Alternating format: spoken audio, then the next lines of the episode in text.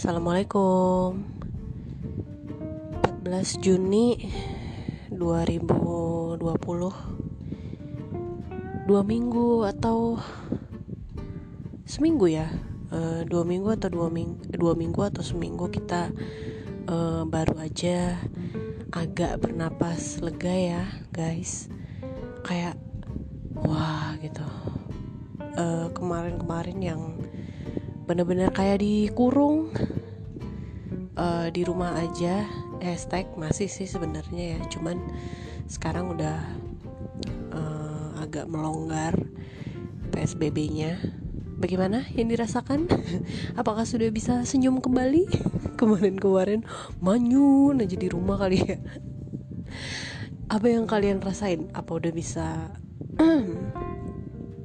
kayak oh akhirnya akhirnya keluar rumah juga melihat orang-orang atau mungkin sama aja gitu kayak eh sama aja sih kayaknya ya masih masih dalam suasana social uh, di distancing atau physical distancing masih gitu-gitu aja gitu. Atau udah wah excited gitu sebentar lagi mall buka gitu.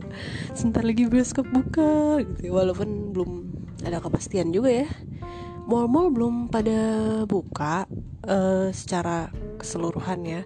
Gue nggak tahu sih lebih tepatnya tanggal berapa bukanya. Ada yang bilang tanggal setelah tanggal 15 ada yang bilang ya nggak tahu ya mungkin masing-masing pemerintah daerah uh, punya kebijakan masing-masing. Di terkait pembukaan uh, pembukaan mall gitu di di region daerahnya gitu. Cuman yang gue tahu uh, info yang diliput sama report random podcast repot yang selalu repot itu guys. Kayak gue dapet laporan kalau hmm, daerah pertama yang membuka mall itu adalah Bekasi bener warga Bekasi rakyat Bekasi. Bekasi kan katanya bukan bagian dari Indonesia ya. Aduh habis ini gue di amuk masa nih gue mau warga Bekasi. Nggak sih.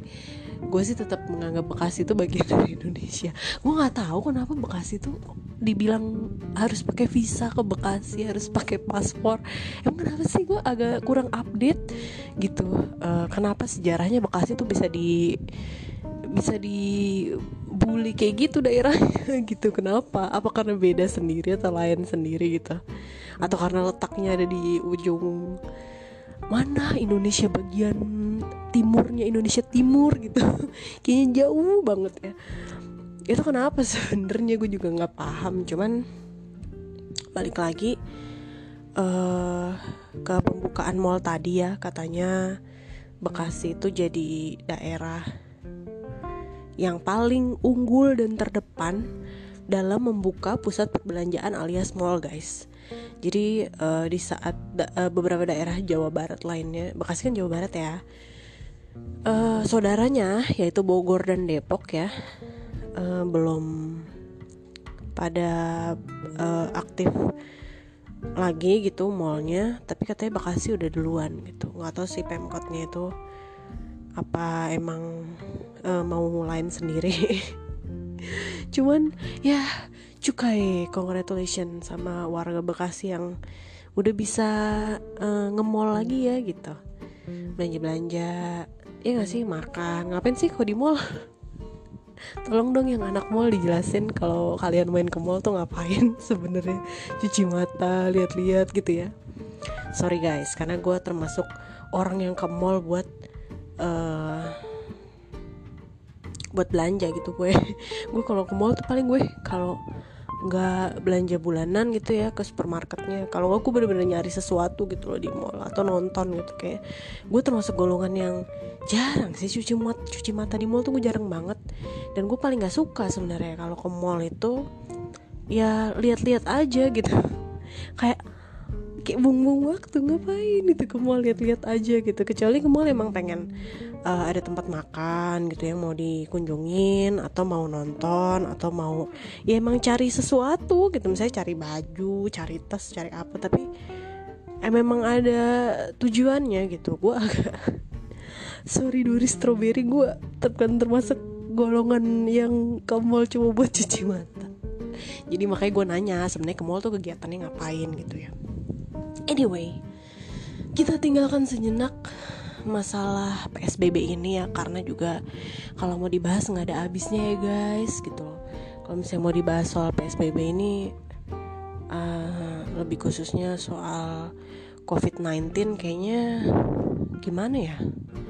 Ya udah gitu-gitu aja kan ya fluktuatif gitu. Katanya sih hari ini per tanggal 14 ya maksudnya khususnya tanggal 14 Juni ini udah turun katanya yang apa yang terinfeksi sekitar 800-an C. turun ya 800-an iyalah karena kemarin-kemarin rata-rata ya guys. Yang terinfeksi uh, covid itu pasti lebih dari seribuan ya seribu sekian ya kan? Seribu seratus seribu empat puluh seribu dua puluh seribu sekian gitu ya. Pokoknya selalu rata-rata lebih dari seribu. Tapi uh, hari ini alhamdulillah katanya 800 ya disyukurin aja ya setiap perkembangan atau kemajuan yang lebih baik yang terjadi gitu. Jadi hmm, kita tinggalkan masalah covid dan PSBB sejenak untuk kemudian beralih pada uh, topik random lainnya. topik random lainnya adalah sebenarnya gue mau bahas tentang uh, beberapa hal yang uh, kejadian ya belakangan ini dan lebih tepatnya sih gue pengen bahas sedikit tentang quarter life crisis wah topiknya berat banget guys. Quarter life crisis. Itu gue juga. Gimana ya sesuatu yang bisa dirasain tapi sulit buat diungkapkan ya gak sih? Bagi mungkin itu istilah yang terdengar asing termasuk gue ya. Gue juga uh, apa? Belum begitu familiar dengan uh, istilah quarter life crisis. Walaupun itu sebenarnya istilah itu udah global banget udah global banget. Hanya saja uh, gue yang juga baru dengar sebenarnya. Jadi uh, apakah itu quarter life crisis? Jadi quarter life crisis itu mudahnya adalah uh, krisis. Krisis moneter nggak ya bukan krisis moneter guys. Krismon kalau krismon itu udah era orba ya era orde baru. Kita udah mengalami krismon krisis moneter. Yang ini bukan krisis moneter ini semacam sebuah uh, krisis uh, kehidupan yang dialami oleh uh, oleh uh, manusia atau seseorang yang uh, berusia sekitar uh, 20 sampai 30-an ya gak sih? Atau 30 lebih ya. Ya pokoknya kalau udah 30 ke atas kan lebih ke apa ya? Mid midlife crisis gitu ya. Nah, itu kalau itu lebih lebih ini ya lebih istilah yang lebih sering gue denger sebenarnya midlife crisis cuman ternyata ada juga quarter life crisis jadi quarter life crisis itu ya uh, usia seperempat usia manusia gitu ya yang uh, yang mengalami krisis gitu. Yang mengalami krisis uh, krisis kehidupan gitu. Nah kira-kira apakah yang terjadi di quarter life crisis ini? Kita juga nggak tahu ya. Masing-masing orang mungkin punya struggle yang berbeda-beda gitu.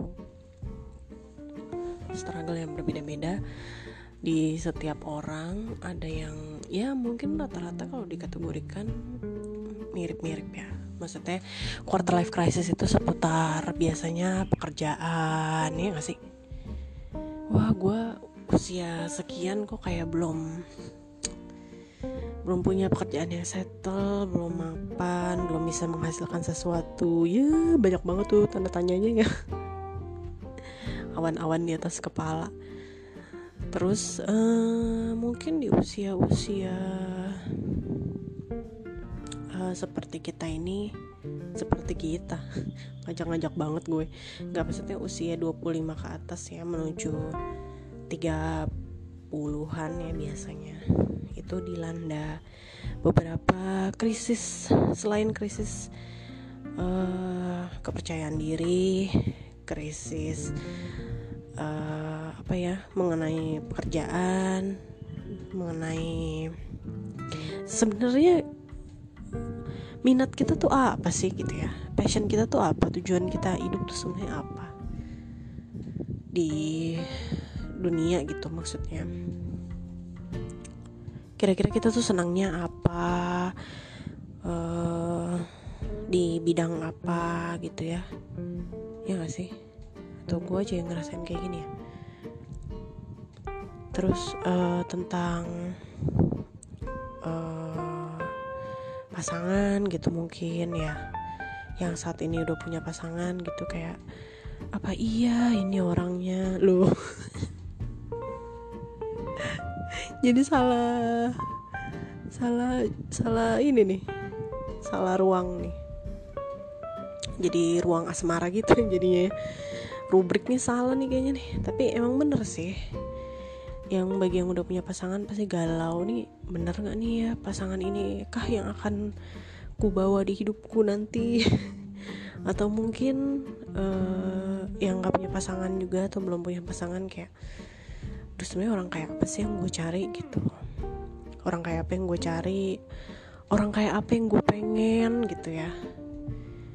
Ya dong kalau orang-orang selalu apa ya kayak menomorduakan itu tapi menurut gue itu harus dimasukkan ke list sih gitu. Kayak lo mau mau mau apa ya mau beli barang aja gitu. Lo kan be mau beli barang kan nggak mungkin uh, apa ya barang barang kesukaan orang kan. Kayak ibaratnya lo mau beli um, mobil nih terus lu tanya gitu sama adik lu eh lu doyannya eh lu doyannya lu sukanya mobil apa? gitu. Terus adik lu bilang eh gue sih senengnya Honda Civic gitu. Terus lu beli Honda Civic gitu. Kan nggak mungkin. Pasti kan lo bertanya pada diri lo sendiri kan. Gue tuh sukanya mobil apa sih sebenarnya? Gue tuh perlu mobil kayak apa sih? Uh, kebutuhan gue gitu. Gue tuh apakah gue butuh mobil yang ya yang penting kokoh gitu mau mereknya apa yang penting bandel mobilnya gitu atau lo pengen mobil yang hmm, gue sih nggak peduli ya uh, itu mobil gede atau kecil yang penting stylish aja trendy kalau ke mana-mana uh, apa keren gitu dilihatnya nggak malu-maluin.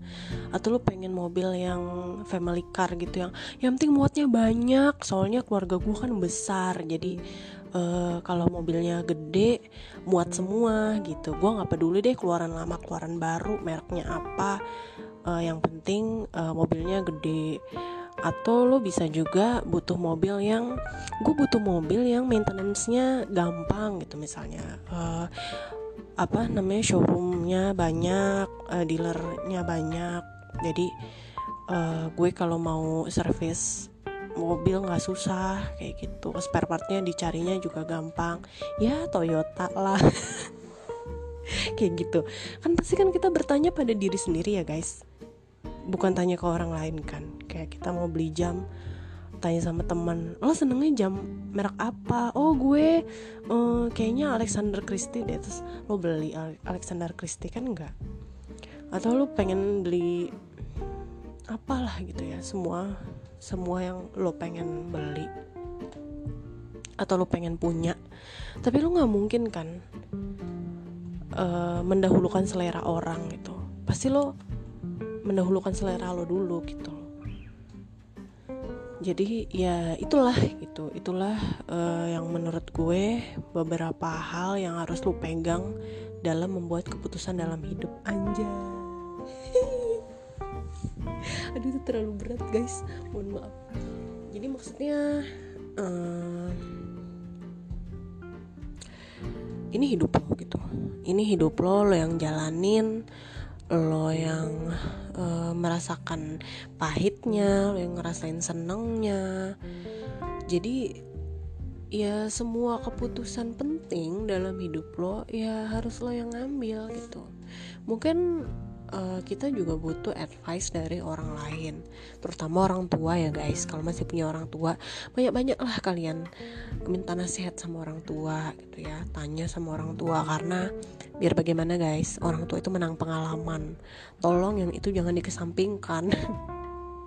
Kalau dibilang kita anak bau kencur memang benar gitu kita anak kemarin sore yang belum belum banyak makan asam garam kehidupan guys. Kita lebih banyak makan asam kimchi dan garam dari mana.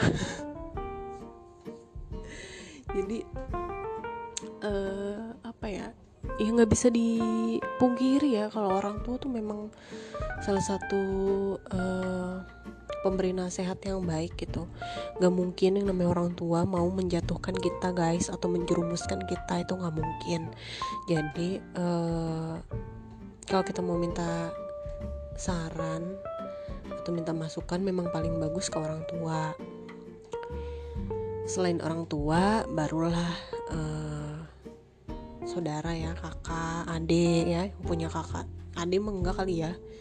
Tapi bisa juga sih karena usia itu bukan sebuah patokan kedewasaan seseorang gitu. Kalau misalnya lo ngerasa diri lo masih belum dewasa cukup dewasa gitu ya. Pola pikirnya maksud gue bukan umur ya. Kalau umur mah kayaknya udah bukan dewasa lagi ya. Udah tua kalian guys. Sama kayak gue. Dewasa pikirannya maksudnya. Jadi kan ada beberapa orang-orang yang mungkin apa ya sebenarnya ciri-ciri pemikiran yang dewasa tuh apa sih yang pola pikirnya panjang biasanya kan. Nggak untuk hari ini aja gitu. Tapi untuk masa-masa mendatang biasanya kan gitu. Terus yang nggak egois biasanya. Jadi pola pikir dewasa itu biasanya nggak egois nggak hanya mentingin diri sendiri tapi juga orang-orang di sekitarnya. Kalau misalnya gue berbuat kayak begini kira-kira gue merugikan banyak orang nggak? Kan gitu ya nah bagi kalian yang belum merasa cukup dewasa boleh minta advice juga ke adik gitu. Karena walaupun adik ini usianya lebih muda dari kita tapi belum tentu pemikirannya gitu kan. Siapa tahu uh, adik yang sehari-hari kita anggap ah udahlah lo tau apa sih? gitu. Lo kan baru lahir kemarin lo generasi Z apa sih namanya itu kalau generasi yang sekarang milenial apalah itu. Tapi belum tentu gitu loh. Mungkin aja mereka justru malah punya uh, pandangan yang lebih jauh ke depan gitu ya. Kayaknya lo bagusnya gini deh kak gitu. Atau lo cocoknya gini deh mas. Lo mending gini deh mbak gitu. Punya punya apa ya?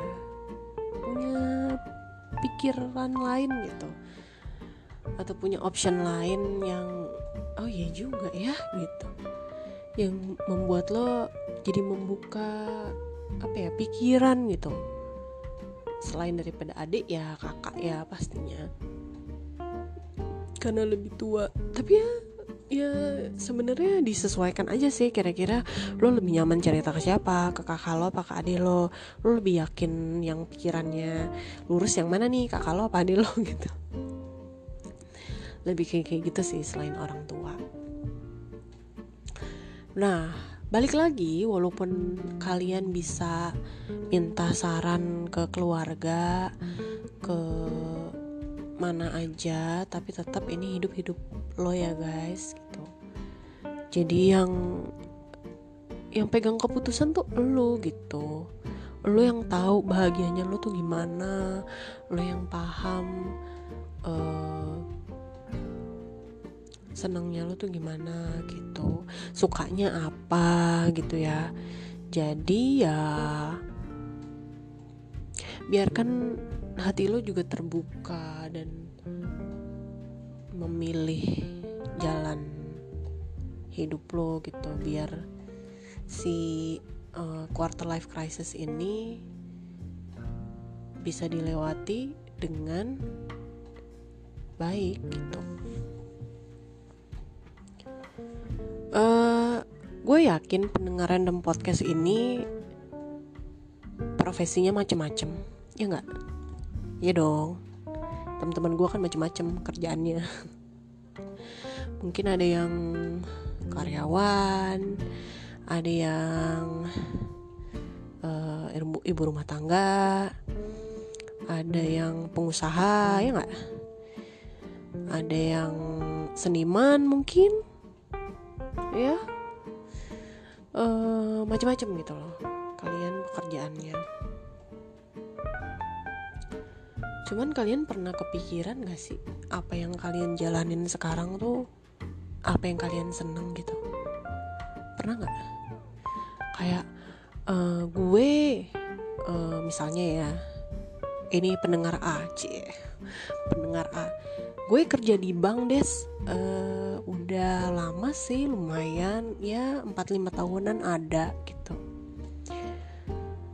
Nah kira-kira emang passion lo tuh kerja di bank gitu ya? Emang dari dulu pengen gitu kerja di bank? Atau lo emang seneng uh, apa ya? Seneng hal-hal di dunia keuangan aja gitu? Maksudnya nggak nggak spesifik di bank gitu. Lo pernah kepikiran kayak gitu nggak? Atau emang kayak di jalan gue di kerja di bank? Soalnya pas gue ngelamar di bank udah dapet udah gitu.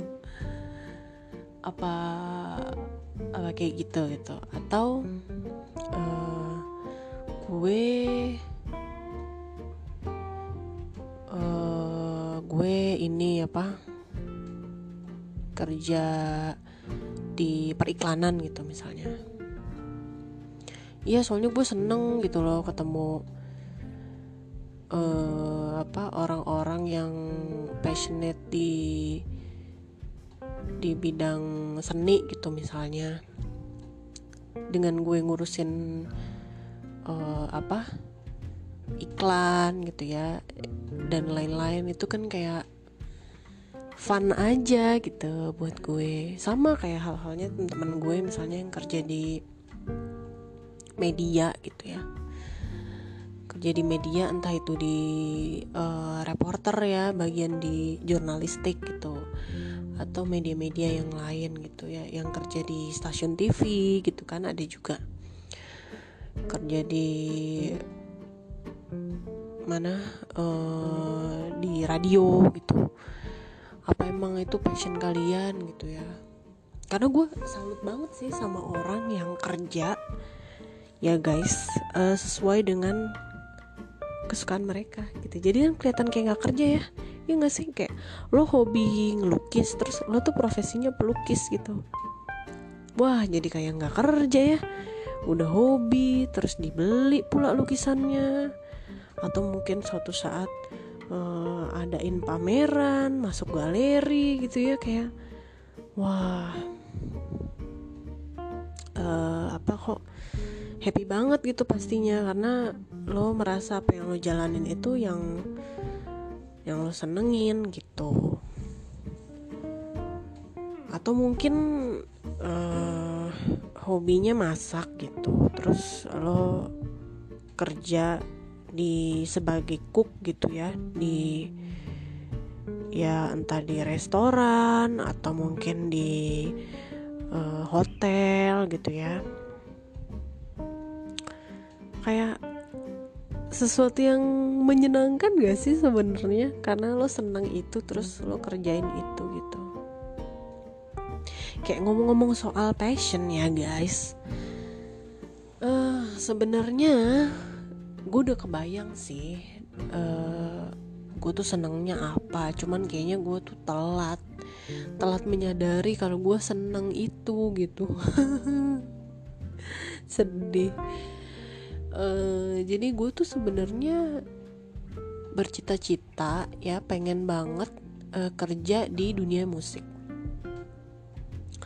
dan dunia musik ini bukan sebagai penyanyi gitu enggak bukan sih karena gue sadar suara gue enggak sangat tidak komersil ya.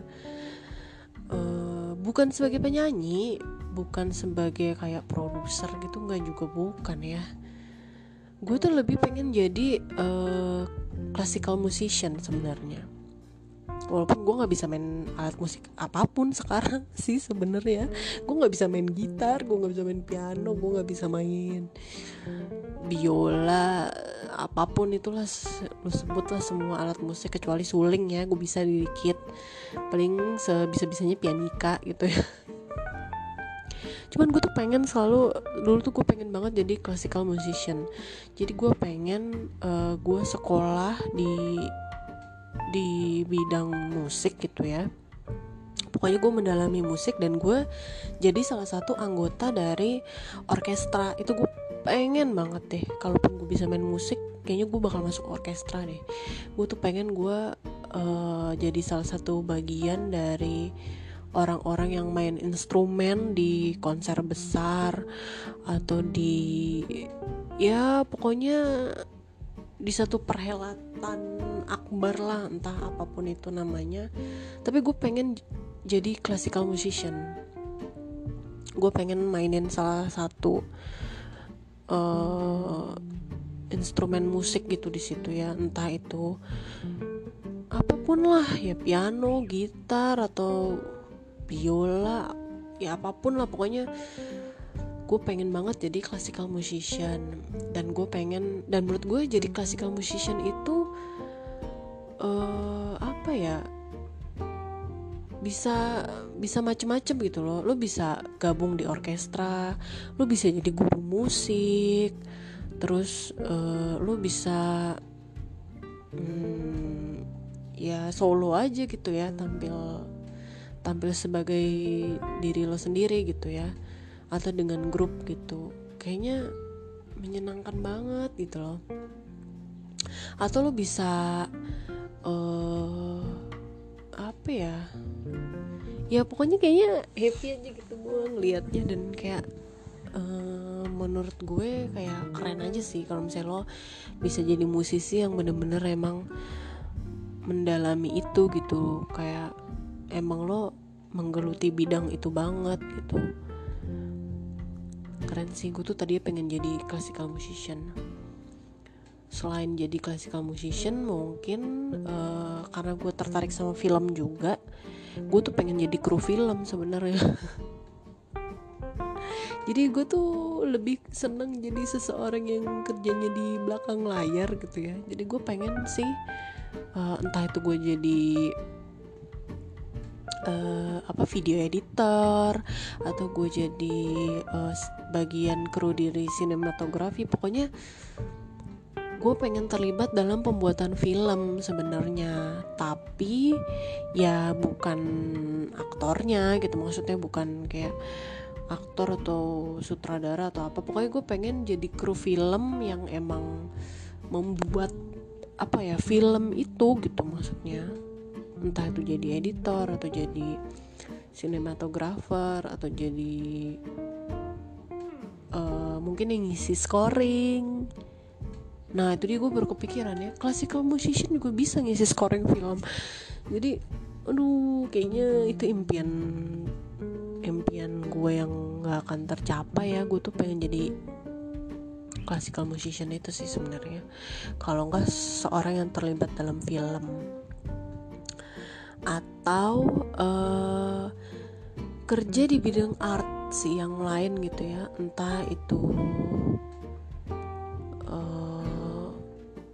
walaupun gue merasa gue nggak terlalu bisa untuk uh, belajar seni rupa ya. Maksudnya gue lebih tertarik sama seni musik dibandingkan seni rupa sebenarnya ya. seni musik atau seni film. Tapi kalau seni rupa gue agak agak mungkin enggak kali ya. Tapi agak lumayan menarik sih kalau misalnya jadi pelukis gitu atau jadi apa gitu. Dan bisa punya pameran atau galeri sendiri. Kayaknya menyenangkan. Ya pokoknya gue lebih kayak art banget lah gitu loh. Maksudnya dalam dunia kerja juga kadang gue gue termasuk orang yang uh, rapi gitu ya. Gue suka kerapian. Uh, terus gue juga orangnya kreatif.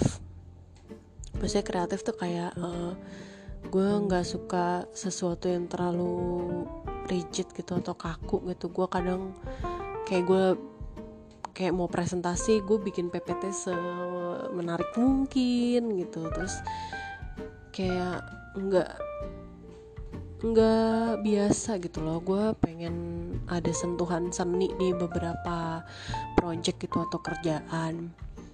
Itu dia sih mungkin yang gue ngerasa uh, sebenarnya gue punya bakat seni cuman karena nggak gue olah dengan benar dan tepat sasaran jadinya ya udah. Jadinya ya begitu gitu. Itu kalau di gue sih kalau di kalian sendiri kira-kira punya gak sih uh, passion passion kira-kira di bidang apa gitu yang sampai sekarang kayak kenapa gue nggak dalemin itu ya gitu misalnya tapi ya balik lagi sih memang uh, frasa the right man on the right place itu memang nggak selalu berlaku di Indonesia ya guys. Makanya beruntung banget bagi kalian yang the right man on the right place. Jadi kalian uh, menekuni bidang apa dan bekerja di bidang itu gitu. Dan suka gitu maksudnya dan suka gitu kayak oh iya satu lagi sih mungkin gue kalau nggak jadi musician atau jadi kru film gue tuh pengen jadi atlet. Gue tuh pengen pengen menekuni satu olahraga tertentu sebenarnya ya. Kayak misalnya jadi perenang gitu atau jadi pemain bulu tangkis atau jadi hmm, apa ya? Ya eh, cabang olahraga tertentu lah gitu ya emang. Tapi biasanya kan kalau kayak gitu dari kecil ya bo gitu. Lo senang apa? Terus dari kecil lo udah tekuni dan ya udah jadi atlet gitu. Itu sih paling. Nah kalau kalian tuh kira-kira apa? Boleh dong di share ke gue. Hmm, kira-kira kalau kalian passionnya itu apa? Apakah sekarang yang kalian jalani itu passion kalian?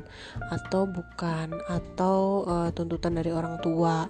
Atau karena hmm, apa ya turun temurun tradisi keluarga? Kan bisa juga ya kayak duh gue dari keluarga pengusaha jadinya ya mau nggak mau gue juga harus jadi pengusaha gitu atau mungkin uh, gue dari keluarga guru gitu ya bapak ibu guru hmm, om tante guru semua kakak guru. Jadi ya gue jadi guru juga gitu. Apakah kayak gitu atau gimana lah gitu bisa di share uh, pendapat kalian atau pengalaman kalian atau apa yang terjadi di kalian bisa di share karena uh, menurut gue salah satu yang jadi uh, masalah atau problematika dalam quarter life crisis itu salah satunya pasti yang menempati peringkat paling atas adalah pekerjaan guys. Minat dan pekerjaan. Baru setelah itu mengikutilah ya uh, peringkat-peringkat yang lain. Cuman gue yakin banget sih pekerjaan itu pasti jadi nomor satu di masalah krisis kehidupan uh, kalian gitu ya. Gitu guys. Um, terlepas dari quarter life crisis uh, beberapa uh, hal juga terjadi ya belakangan ini tentang racism masalah apa rasis ya kemarin yang pembunuhan George Floyd warga negara Amerika berkulit hitam itu ya itu juga eh, sempat mengguncang dunia juga nggak sih tuh? Sampai orang-orang Amerika protesnya kayak apa kan? Karena ketidakadilan yang terjadi yang diakibatkan oleh hal-hal rasis. Uh, rasis ngomongin soal rasis tuh masih kejadian gak sih sebenarnya kalau di Indonesia sendiri gitu? Soal uh, soal rasis itu sendiri gitu. Mungkin kalau ras nggak terlalu sekencang di sana ya karena ya tahu sendiri kan Amerika itu kan imigrannya banyak banget ya guys gitu loh yang dari Timur Tengah, India, Asia, terus dari Afrika. Waduh, pokoknya tuh negara dengan imigran paling banyak gak sih? Amerika tuh, Perancis juga ya. Cuman emang Amerika gila banget sih imigrannya kayak lu bisa nemuin orang seluruh dunia tuh di Amerika gitu. Kayaknya di di United States tuh kayak orang dari negara mana pun keturunan apa aja tuh ada gitu saking banyaknya imigrannya. Makanya negaranya juga bergejolak kan akhirnya. Nah kalau di Indonesia sendiri mungkin yang masih terjadi saat ini adalah masalah uh, privilege. Ya kali ya? Ya nggak sih jadi orang uh, yang punya privilege itu kayaknya hidupnya lebih uh, lancar jaya ya kalau di Indonesia. Ya nggak sih? Orang yang punya privilege itu apa sih kira-kira? Yang ada yang bilang yang mayoritas. Yang mayoritas tuh yang agama ya. Kita ngomongin mayoritas agama. Uh, negara uh, Indonesia memang bukan negara Islam tapi memang Muslim itu jadi mayoritas di sini. Makanya katanya orang-orang yang uh, Muslim atau beragama Islam punya privilege katanya di Indonesia dibandingkan uh, teman-teman yang uh, beragama selain Islam. Katanya gitu terus uh, privilege yang lain katanya sih uh, kedudukan. Jadi uh, katanya kalau kita punya jabatan atau punya kedudukan tuh kayaknya ngurus apa-apa lebih gampang ya. Terus ada juga yang bilang uh, kekayaan, ya gak sih? Sekarang apa yang nggak bisa dibeli pakai duit? katanya kalau punya duit urusan jadi lebih gampang gitu. Jadi diutamakan gitu ya kalau punya duit katanya sih gitu. Ya yang kayak begitu begitu sih masih banyak di sini nggak cuma di sini pasti di negara lain juga. Ada hal semacam itu cuman ya kita kan uh, berharap mudah-mudahan sih nggak terjadi uh, rasisme semacam yang terjadi di Amerika itu di sini ya walaupun di sini isu-isu semacam itu juga masih uh, kencang terutama di daerah Papua yang emang orang-orangnya juga berkulit hitam juga gitu atau dari Indonesia Timur lah nggak cuma Papua doang gitu. ya seperti itulah guys uh, beberapa isu yang terjadi belakangan ini. Terus uh, apa ya gue akhir-akhir ini lagi lagi uh, seneng sama ada satu kegiatan yang lagi gue senengin sih sebenarnya uh, akhir-akhir ini yaitu tentang uh, skincare.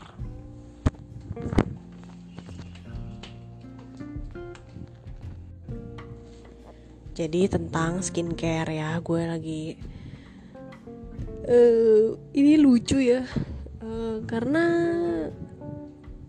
jujur gue sebelumnya nggak nggak pakai skincare yang gimana banget karena gue merasa kulit gue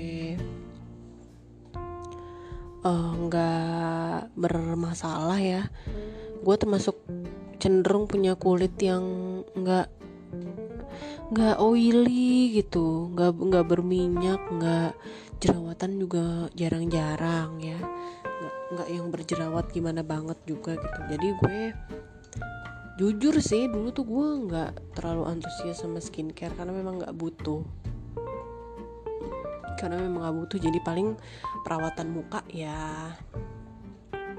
Ini sih paling uh, cuci muka aja gitu pakai sabun muka gitu pakai facial foam terus kalau abis uh, perpergian dari mana-mana bersihin muka ya pada umumnya aja gitu loh. Pakai makeup remover uh, pakai toner gitu udah nggak apa nggak ada perawatan muka lain gitu ya karena memang nggak nggak bermasalah jadi merasa tidak butuh gitu.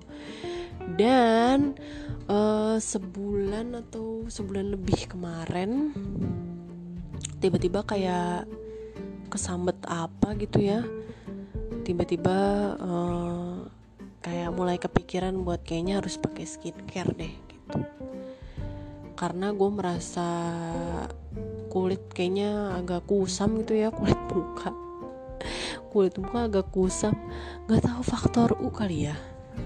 Faktor u atau faktor begitu beratnya uh, apa ini di luar tempaan apa cuaca dan segala macam di luar gitu.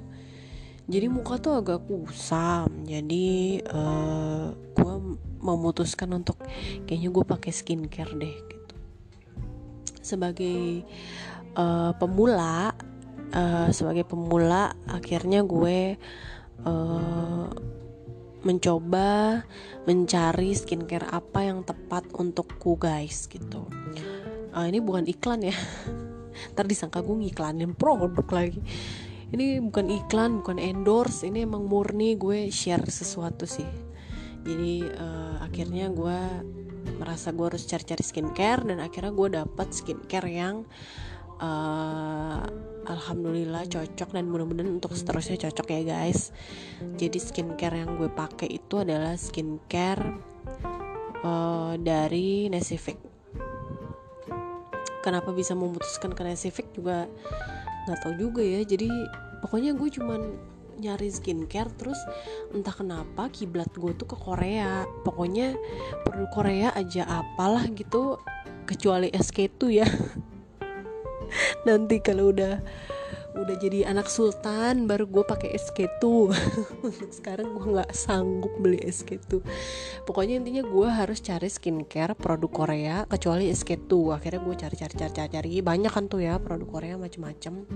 Mungkin di antara teman-teman juga ada yang pakai produk Korea. Cuman pada akhirnya gue menjatuhkan pilihan pada uh, Nesefik jadi gue pakai produk Nesif dari Nesefik karena gue juga nggak berpengalaman pakai skincare makanya gue mencoba untuk beli yang kayak starter pack gitu guys. Aduh jadi malu. Jadi pakai yang starter pack gitu. Pokoknya yang uh, kira-kira satu kit itu isinya apa-apa-apa gitu ya. Karena gue kan nggak mungkin beli satuan ya. Misalnya beli krim apalah gitu kan. Nanti malah jadinya nggak jelas dan takut nggak cocok juga. Akhirnya gue beli Nasific yang Phytonizin uh, kit. Jadi itu memang sengaja buat uh, mencerahkan kulit ya katanya. Karena problem gue kan kulit kusam. Jadi bukan kulit berjerawat atau kulit berminyak atau kulit ber berapalah berbakteri atau ber berbaksil gitu kan enggak ya. Jadi kulitnya emang kulit kusam. Jadi akhirnya gue beli uh, yang Phytonizin Whitening Kit. Itu satu kit terdiri dari sabun sabun muka terus ada tonernya juga uh, terus ada uh, apa tuh? Ada essence-nya juga ya atau serumnya. Terus yang terakhir ada uh, tone up creamnya. Cuman kalau tone up creamnya gue nggak begitu sering pakai karena takut nggak apa ya berlebihan gitu. Jadi gue sih rutin pakai itu akhirnya. Ditambah uh, beberapa yang emang udah gue pakai kayak shooting gel tuh udah gue pakai. Uh, aloe vera shooting gel sama uh, akhirnya gue beli juga eye creamnya gitu. Karena gue merasa gue bermata panda sebenarnya gue nggak ngilangin hitam-hitam di bawah mata gitu nggak juga sih. Yang penting lembab aja jadi nggak kering gitu. Ya udah akhirnya intinya jadi uh, udah hampir apa ya satu bulanan lebih lah gue pakai rangkaian uh, skincare dari Nesifik itu. Dan hasilnya uh, hasilnya nggak yang drastis gimana gitu juga sih ya guys gitu loh. Uh, karena gue juga baru pakai sebulanan lebih dan gue percaya sih sebenarnya kayak gitu-gitu sebenarnya efek-efek iklan juga gitu. Maksudnya nggak yang bakal mengubah muka jadi gimana gitu enggak sih. Ya gue merasa muka kayak jadi alhamdulillah sih yang pertama banget sih yang gue syukuri adalah cocok ya.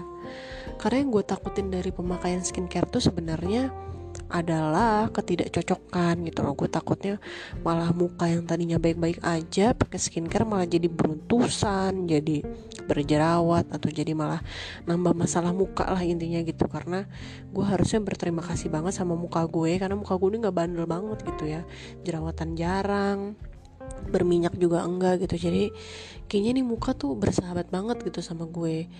Cuman emang kusam aja karena gue nggak tahu nih pengaruh faktor gue apa karena cuaca apa karena hormon nggak tau lah pokoknya. Nah gue tuh takutnya dengan gue pakai uh, ini kan kayak ada benda asing yang masuk kan berarti kalau benda asing aduh susuk kali gitu ya benda asing. Nggak guys gue nggak pakai susuk kok skincare gitu maksudnya yang masuk ke kulit gitu dan takutnya nggak cocok malah jadi malah nambah masalah kulit gitu. Untungnya sih enggak guys. Alhamdulillah uh, so far so good cocok. Uh, perubahan yang gue rasakan mungkin kulit gue jadi nggak kering ya dengan dengan pakai itu jadi nggak kering jadi kayak uh, ter moisturize setiap hari gitu dan jadi lembab tapi juga nggak berminyak. Jadi kalau yang nggak bangun tidur langsung kayak Song Hye Kyo gitu ya muka gue juga nggak juga. Malah kayaknya bangun tidur jadi Kim Jong Kook muka gue.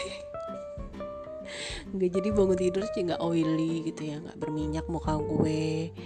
Dibilang glowing nggak glowing juga sih sebenarnya. Dibilang cerah juga nggak cerah-cerah yang gimana juga. Ya intinya gue tujuan gue pakai skincare tuh sebenarnya bukan memper cantik tapi menyehatkan sih gue mikirnya. Karena ya kayak lo uh, badan sehat dari makanan dari olahraga dan sebagainya.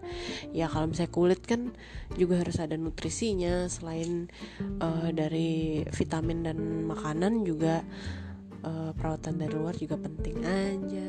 Ya gitu lah ya guys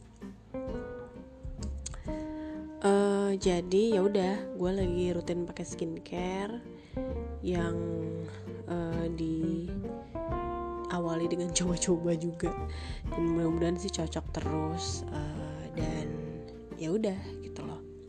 Mudah-mudahan sih kalau cocok uh, bakal gue uh, taruh di list rekomendasi selanjutnya jadi uh, kemarin udah di beberapa episode lalu udah bikin rekomendasi uh, buku terus uh, series sama makanan. Mungkin mendatang akan rekomendasi produk-produk yang gue pakai.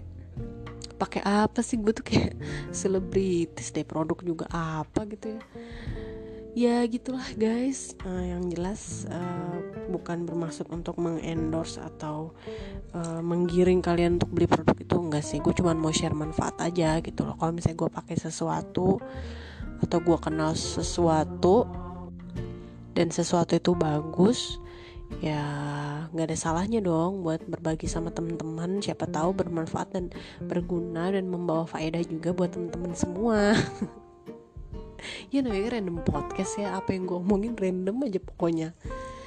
Masih ditunggu guys cerita-cerita kalian. Nih belum ada yang ngirimin cerita nih. Pada malu apa gimana masih ditunggu uh, cerita-cerita kalian. Kalau mau kalian mau kirim cerita apa pun yang itu entah menginspirasi atau mungkin kayak sebagai warning gitu buat teman-teman. Kalau uh, apa jangan sampai uh, mengalami kejadian kayak kalian gitu misalnya boleh di share di random podcast.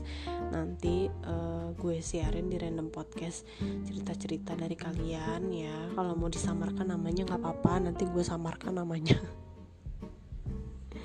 Gitu ya jadi ya udah diceritain aja di share aja kalau ada yang mau di share kritik saran tetap ditunggu. Tapi mudah-mudahan yang membangun ya jangan meruntuhkan random podcast. Gitu sih ya kita kan harus mempertahankan yang udah bagus dan memperbaiki yang uh, kurang baik gitu. Mudah-mudahan hmm, ke depannya Random Podcast tetap bisa jadi podcast favorit kalian. Podcast favorit kalian. Salah satu podcast favorit kalian yang bisa menemani waktu memasak atau menemani waktu beres-beres atau apa atau menemani waktu bekerja ya pokoknya mudah-mudahan podcast ini bisa terus membawa manfaat dan keceriaan buat kalian. Gitu sih terutama misi dari random podcast. Dan uh, selamat uh, menjalankan aktivitas lagi selamat melanjutkan aktivitas lagi selamat melakukan hal yang disenengin selamat bermimpi lagi ya kalau kalau yang tadi sempat terputus mimpinya uh, pokoknya semoga hari harinya menyenangkan uh, tetap jaga kesehatan teman-teman karena sekarang uh, pandemi ini belum belum berakhir gitu ya ya udah gitu aja uh, Mudah-mudahan selalu happy dan ceria bersama Random Podcast. Wassalamualaikum warahmatullahi wabarakatuh. Bye bye. Bye. Bye bye.